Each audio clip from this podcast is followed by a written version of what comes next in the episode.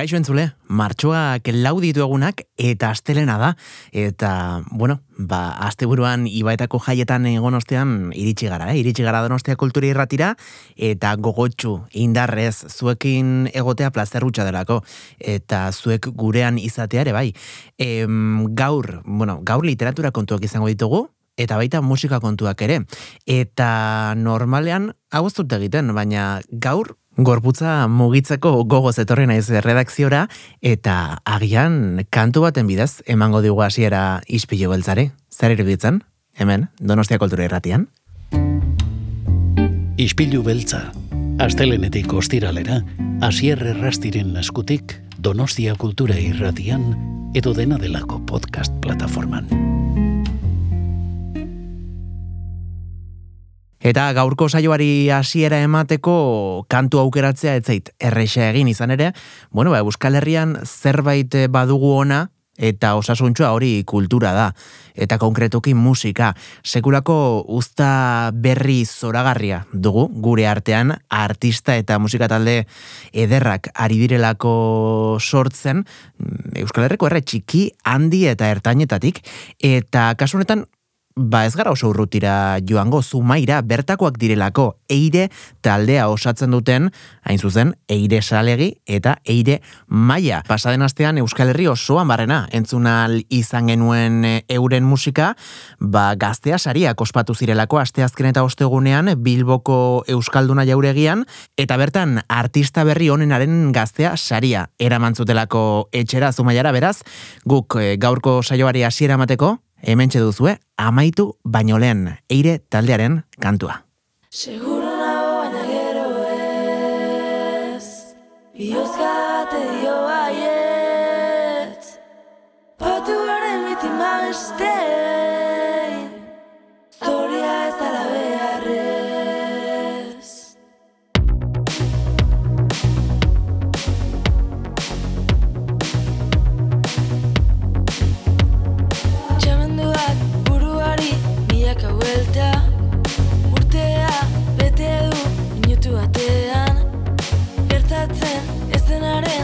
esklabua Ordu txikitan, katetan mamuak.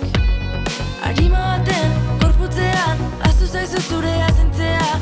Utxetik, astea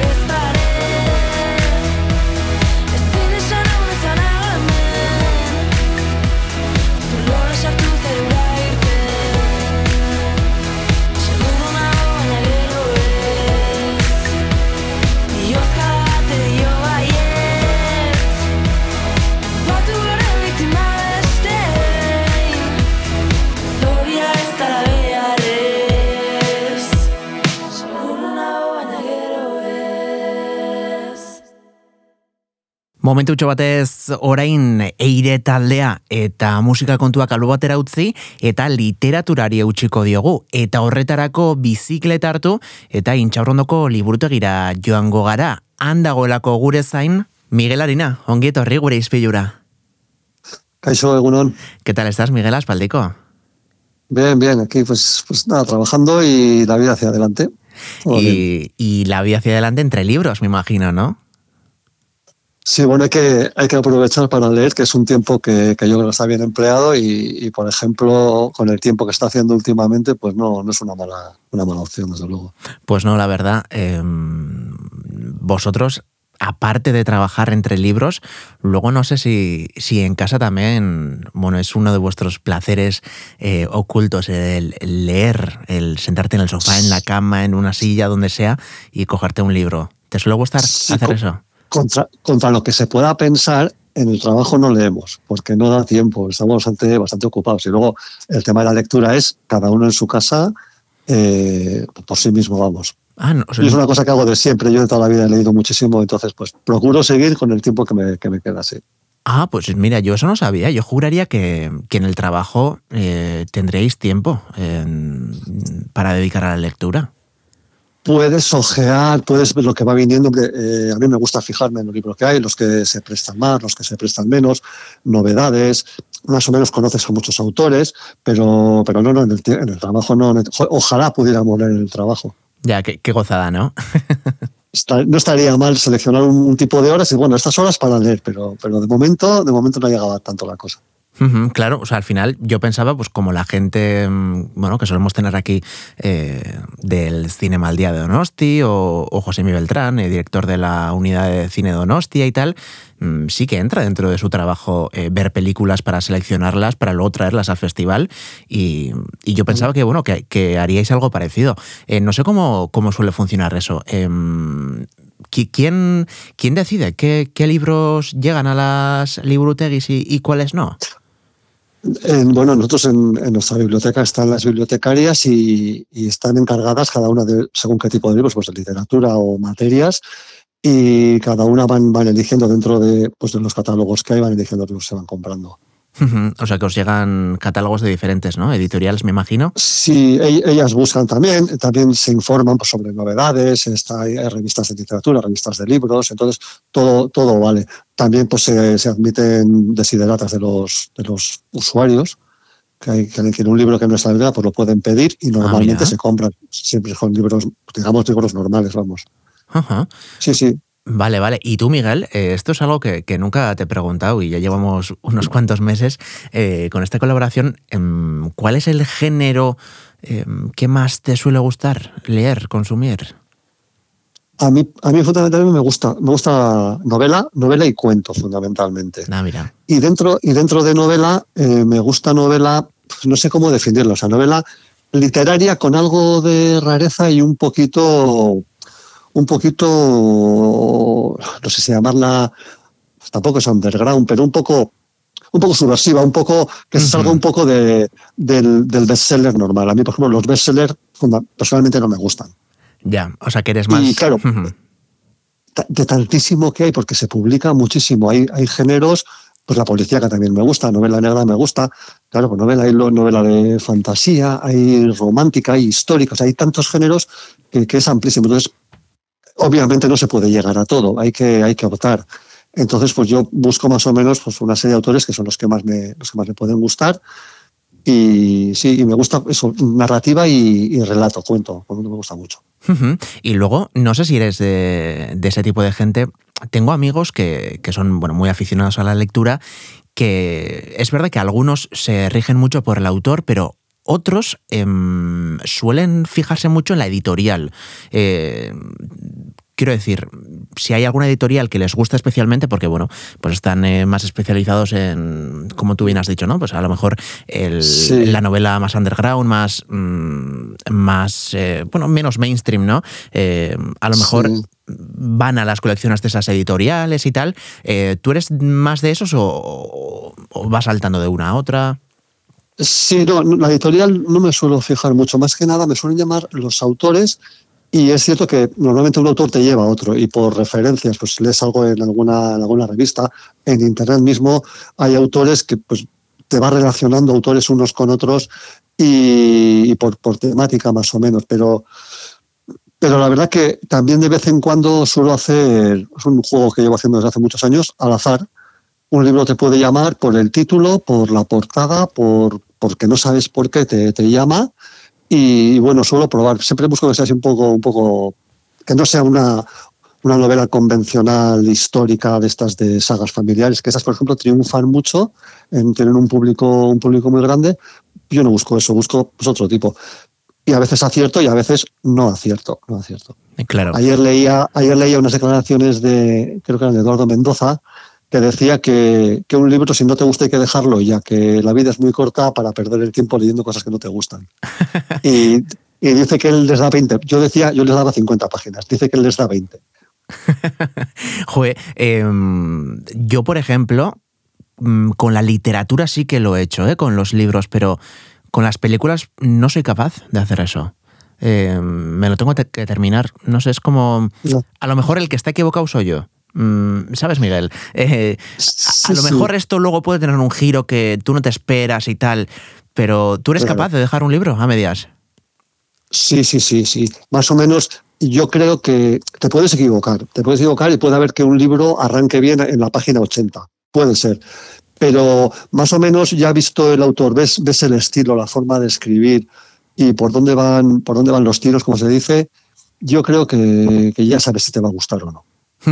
Pues mira, eh, hablan, hablando de, mm, de, cosas que te llaman la atención, a mí me ha llamado mucho la atención tanto el título como la portada del libro que nos traes hoy. Sí, es un libro de, de Alba Carballal, que es una, una, autora, una autora joven, nació en el año, el año 92, y es, es, su segunda novela. Yo también, eh, este libro, vi el título, Bailaré sobre mi tumba, y ese título que, bueno, lo hemos comentado fuera de la antena, es, es prácticamente el título de una canción de Siniestro Total. Uh -huh, sí. Claro, Siniestro Total, eh, pues claro, los años 80 eran, eran pues, digamos, de lo más, de lo más fuerte, de, dentro de, no era la movida madrileña, era la movida gallega, y, y Siniestro tenían su, su punto como muy, muy agresivo, rompedor, y a mí, a mí me gustaba Siniestro en su momento. Entonces, claro, cuando vi el título dije, bueno, pues este libro hay que echarle una ojeada a ver de, a ver de qué va, y, y sí. Y, y, aquí lo tenemos, o sea que mm, podemos pensar que te ha gustado. Eh, sí, me ha gustado bastante y me ha gustado eh, por la historia que cuenta y también me ha gustado mucho por cómo lo cuenta y ahora comentaremos en, en qué se trata y me parece un libro muy interesante.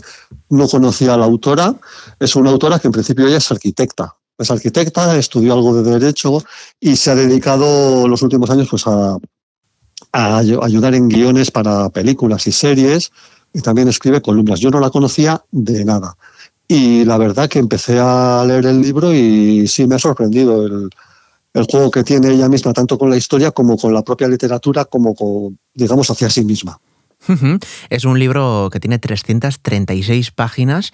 No sé sí. qué es lo que nos vamos a encontrar cuando abramos este libro dentro.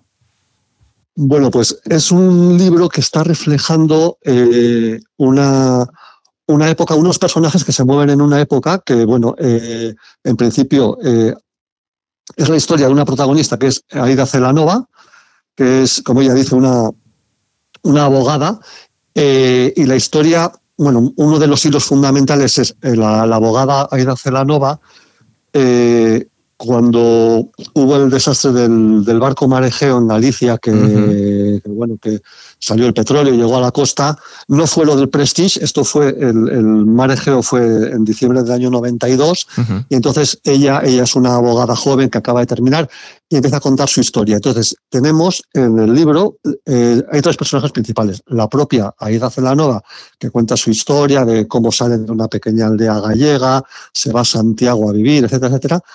Y luego también hay otros dos personajes, que otro es eh, Lolo, que es un tío de un tío de Aida Celanova, con la cual en un momento viven juntos, que bueno, luego ya lo comentaremos. Y luego otro personaje que es también otro, otro chico del pueblo que coincide en su infancia con, con Aida, Shairo, que le llaman el hijo de la que es un personaje que se va es, pues, es- eh, sale del pueblo, sale de una pequeña aldea, era gay, entonces se va al Vigo de, la movida de los años 80 y se mueve en otro ambiente que no tiene nada que ver con el de su pequeña aldea. Y entonces eh, es la interrelación entre nuestros personajes, la vida que va sucediendo y nos estamos moviendo años 80 en, en el Vigo de los años 80. Luego el, el tío de Aida en los años 90 se va a Valencia, a la, a la ruta del bacalao, a trabajar en una discoteca con todo el, el mundo este de los años 80. Ujú. Y luego tenemos a la vez a Ida moviéndose en los años 2000 con el tema de, del, del barco este que, que había, que había se había roto y había echado todo el petróleo en la costa gallega y habla mucho de Galicia. Entonces, eh, trata muchos temas, pero a mí me parece que lo importante es cómo los va encauzando todos, los va, los va relacionando y, hace que todo tenga que ver con todo. Y es una novela muy, muy fácil de leer en ese sentido. Eh, no sé si a través de esta novela tendremos oportunidad de conocer mejor eh, un poquito la historia de, de Galicia. Porque al final, ¿no? Eh, sí que está basada un poquito, bueno, en la cultura y en, en Sí. todo ese mundo underground que a lo mejor muchos no conocíamos, ¿no? Entre otras como la movida viguesa, que yo ni había escuchado Sí. el término. Sí, no, la movida viguesa en, el- en los años, bueno, los años 80 estaba la, la movida madrileña y, y luego en, en Vigo hubo una, pues está el propio Siniestro Total, que, que bueno, es- y también estaba otro grupo, Gol- Golpes Bajos, y la verdad que en Galicia, fundamentalmente en Vigo. Claro, eh, dentro de la Galicia, lo que sea la Galicia profunda, la Galicia de pequeñas aldeas, es un mundo, digamos, rural y un poco, un poco más tradicional. Pero claro, Vigo es una ciudad industrial. eh, en los años 60 hay que tener en cuenta que coincidió, igual que pasó en Euskadi, coincidió la, la crisis, la crisis de los años 80, desempleo, eh, paro, mala situación económica. Entonces ahí rompió, rompió la movida en Madrid, rompió la movida en, en más sitios, ¿no? En Euskadi también, cada uno con sus características fundamentales. Y la de Vigo es, es una es pues una, una movida contracultural urbana también. Y sí, ese es un personaje que bueno, aparece y bueno, se ven, se ven diferentes, diferentes pinceladas de, de esa época. Y Miguel, este, este libro, esta novela, ¿qué es? eh, ¿Es de esas que lo importante es lo que se cuenta o lo atractivo es cómo se cuenta aquello se cuenta, aquello que se cuenta? Sí. Eh, es lo importante cómo se cuenta porque es una novela en la que pasan cosas. Pasan Ajá. cosas, pasan situaciones, se desarrollan los personajes y suceden bastantes cosas. Entonces, a mí me parece también importante que una novela ocurra algo. Y eh, hay un, bueno, hay, digamos, un cuarto personaje que es eh, la propia narradora. La propia narradora que, en cierto modo, interviene en, en- en analizando la historia que va pasando. Dice, yo como muchas veces ap- aparece en primera persona, ¿no? La narradora dice, yo como narradora moderna que soy, tengo que intervenir en este momento, o hay veces en los que te está demostrando cómo se hace una novela en el sentido de, dice, bueno, ahora voy a dejar este personaje porque aquí no interesa y voy a contar otra cosa. Entonces, vas viendo un poco cómo puede jugar un, un autor, un, un novelista, cómo puede jugar con la historia de dónde pongo el foco, dónde alargo. Eh, cuando sucede algo, se puede narrar en, en 20 páginas, narrando cada momento, o puedes pasar por encima y contar lo que sucedió en dos líneas, ¿no? Entonces, esos recursos del novelista ella lo hace con bastante ironía, además, la autora, y me parece que es un punto muy importante. Ah, qué bueno. Claro, ya es un tema igual más literario, pero, pero no es aburrido, es decir, no es, no es teoría literaria. Ella ve un personaje y dice, bueno, me parece que este personaje en este momento vamos a dejarlo y vamos a ir a otra cosa y ya lo retomaremos cuando, pues cuando me interese, ¿no? No con esas palabras, pero, pero por los tiros. Entonces también, eh, bueno, pues te deja ver también cómo se puede escribir una novela. Y me imagino, Miguel, que, que Alba Carballal mm, en este libro también, mm, yo creo que, bueno, ha, ha hablado de la cultura, de la contracultura, de, de todo lo sucedido eh, con estos tres barcos. Es un libro bastante político, ¿no? Eh, sí, digamos que sin, sin, hacer, sin hacer discursos políticos, todo lo que va dejando por detrás se va entreviendo una forma de comprender el mundo. Entonces, a mí eso me parece importante. Yo sí considero que, cualquier persona, cualquier novelista, narrador, escritor, el momento de escribir, eh, sin querer refleja lo que, lo que tiene en, sus ideas. Entonces ella va dejando ver la forma de, plantear las situaciones, de lo que cuento, cómo lo cuento.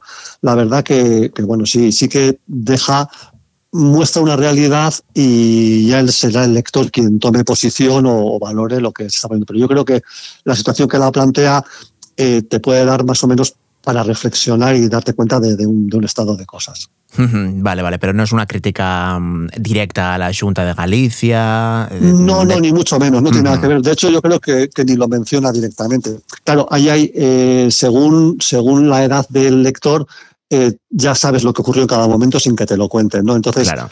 Eh, los que lo que fue que no sale en este libro ¿eh? porque esto acaba en 2000 a primeros de 2000 eh, con el Mar Egeo y el Prestige fue mucho después pero quienes hemos tenido más o menos cerca la época de, del nunca más del Prestige, uh -huh. pues con que te lo mencionen ya sabes lo que ocurrió y cómo se gestionó el tema.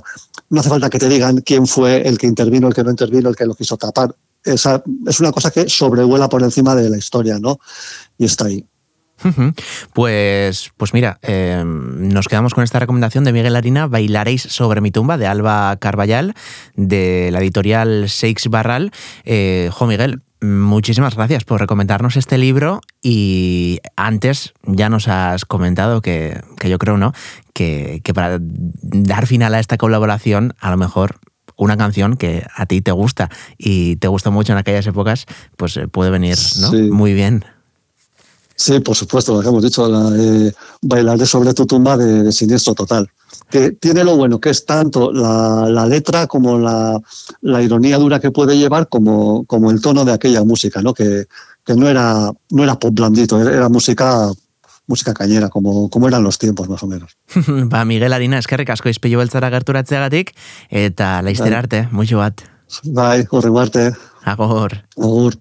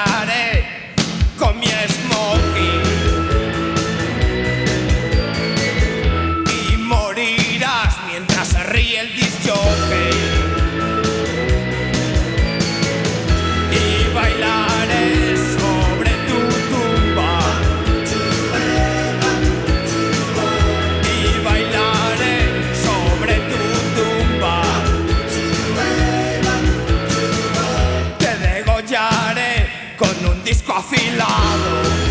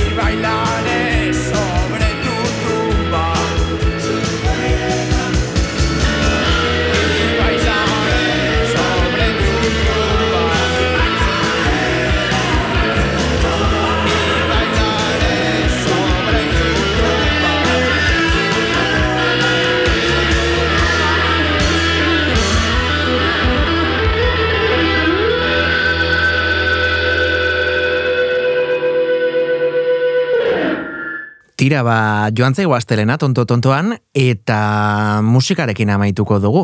Entzun berri dugu bailare sobre tutumba kantua, eta orain berriro Euskal Herrira itzulita, olaia intziarteren kantu batekin esango dizuegu agur, gu bihar itzuliko gara, eh? goizeko seiretan, egunero bezala podcast plataformetara, eta donostia kultura irratira sortziretatik aurrera.